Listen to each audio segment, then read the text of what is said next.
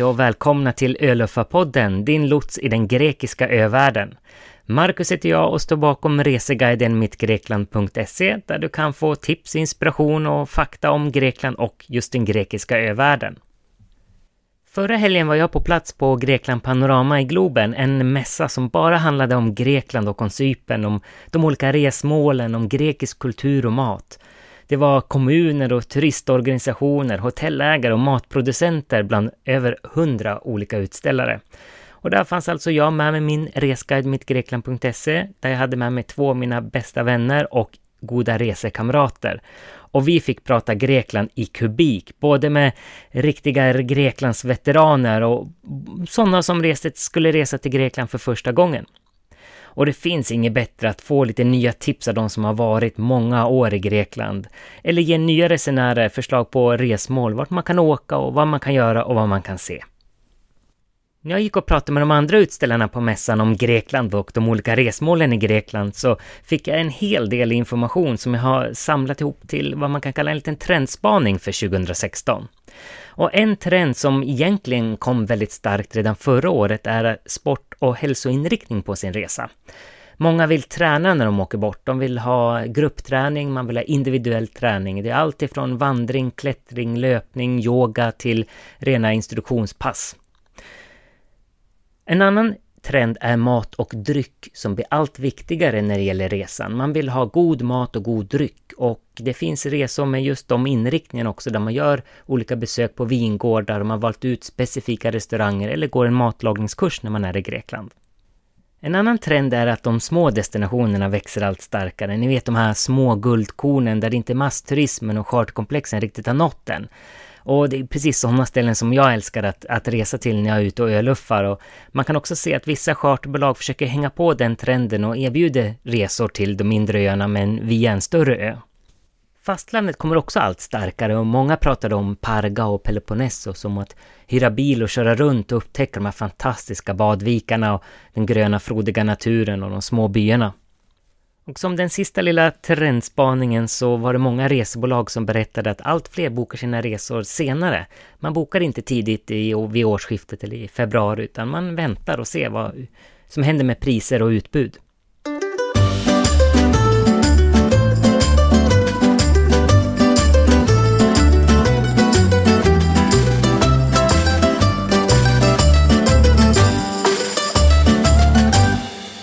Apropå små destinationer så fick jag möjligheten på Grekland Panorama att få sitta ner och prata med en hotellägare från den lilla ön Antiparos. Och Antiparos har ju en speciell plats i mitt hjärta. Jag älskar att åka dit och är en av mina absoluta favoritplatser i den grekiska övärlden. Antiparos ligger precis väster om systerön Paros som är mycket större och det är just genom Paros du måste åka för att komma dit. Paros är bara 35 kvadratkilometer stor och har ungefär 1100 fasta invånare. Och de flesta utav dem bor i Antiparos stad som egentligen är den enda byn.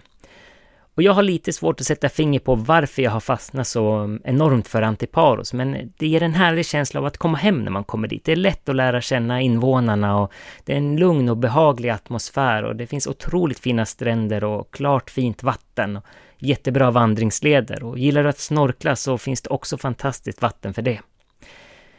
Jag satt alltså ner och pratade med Iliada som har ett hotell nere i hamnen i Antiparos stad.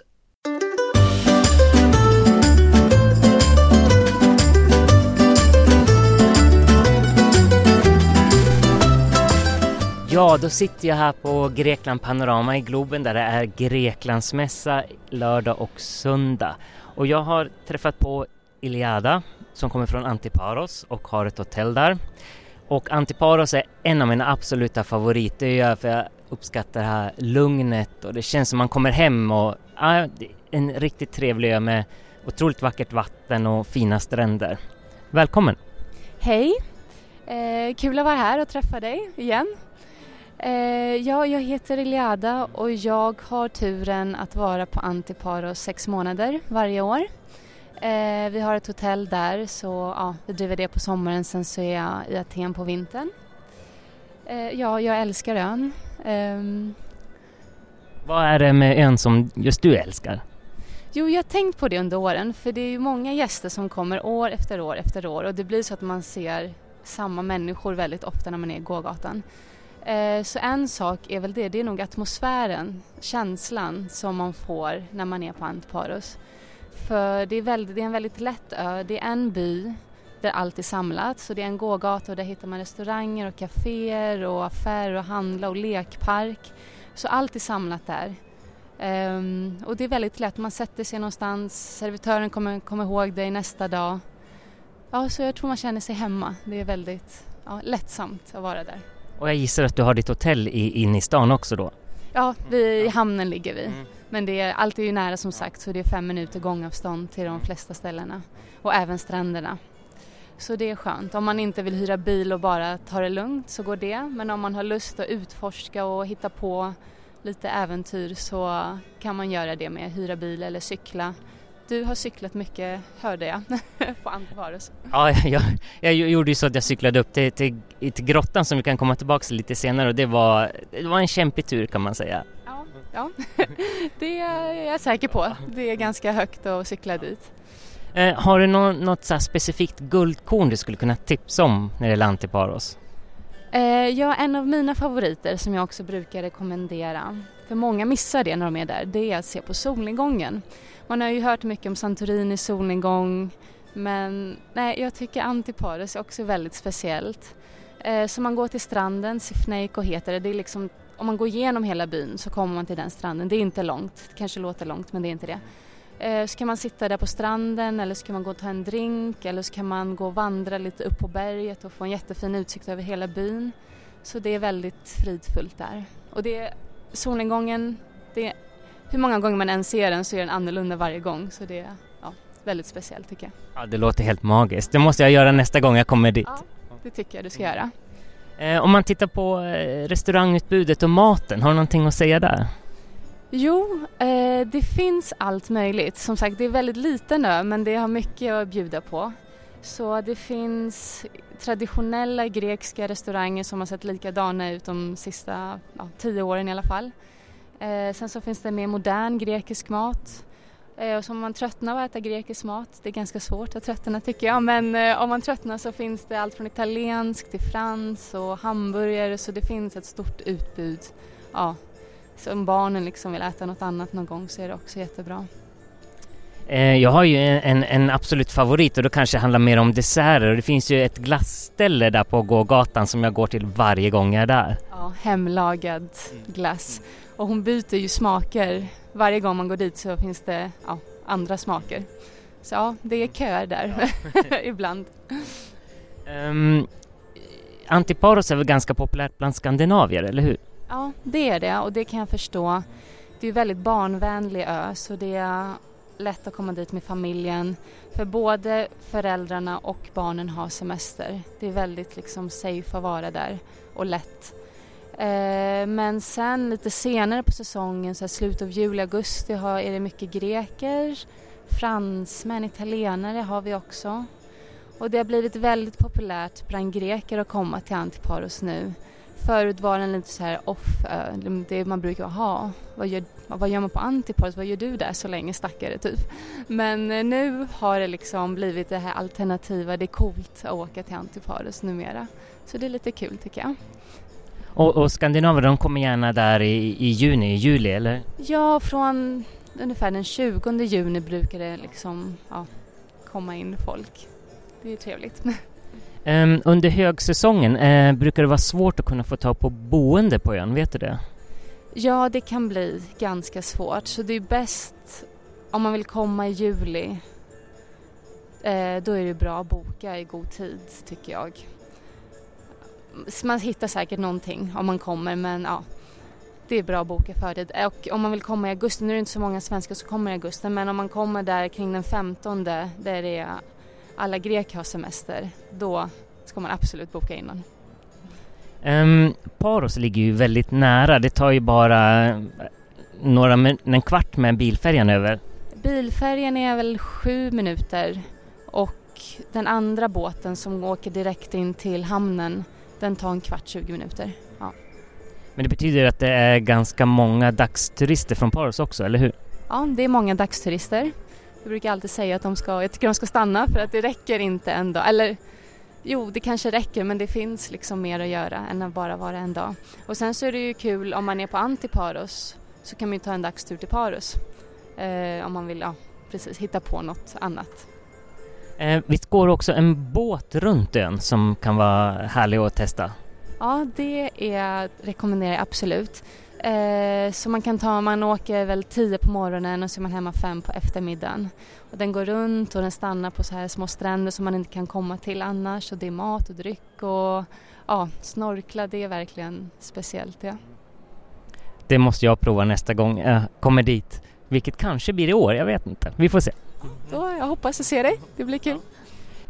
Men du, om man är lite sugen på att festa lite eller gå ut och ta en god drink på kvällen, vad finns det för utbud då? Jo, det finns lite olika ställen att välja mellan. Längs gågatan som sagt finns, är det lite lugnare så där finns det väl så här café, bar, man kan ta en drink. Men om man kommer ända fram till torget, eh, det finns ett torg, det är ett stort träd i mitten och runt det så är det kanske sex, sju barer samlade. Eh, så det är perfekt, man kan sitta där på torget eller gå in i baren och lyssna på musik. Eh, så det finns väldigt goda drinkar. Vi älskar cocktail i Grekland så det finns jättebra ja, drinkar. Och sen om man vill ta ett steg ännu, liksom, verkligen gå ut och ha nattliv så finns det en sån här after disco som har stått där hur många år som helst och det ser precis likadant ut. Det är en diskokula och det är dansgolv eh, och där, det är verkligen speciellt. Speciellt lite senare på säsongen, då, så slutet av juli, augusti när det kommer lite yngre folk till ön. Men det är väldigt kul. Det är känt för det. Ligger det också vid torget? Nej, det ligger lite bortom. Man måste liksom gå en ganska mörk väg faktiskt. Men det är en del av liksom upplevelsen. Man tar den här mörka stigen, mot campingen ligger det. Så man går dit och så ligger det där. Om man, om man skulle gå förbi det eh, i dagsljus skulle man aldrig tro att det är en att det är någonting där i. Men på kvällen kommer det till liv och ja, mycket dans. Ja men vad kul för då finns det någonting för alla på ön egentligen. Ja absolut. Och som sagt bara man sitter där på torget ja, och så är det lätt att se, man ser ju samma människor, det är lätt att lära känna folk och ja, ta en drink eller ja.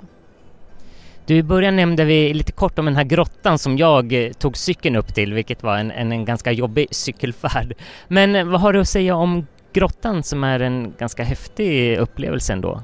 Ja, det är speciellt. Det är kul ja, om man vill. Det sol och bad kan man kanske tröttna vid något tillfälle och grottan är då ett väldigt kul alternativ.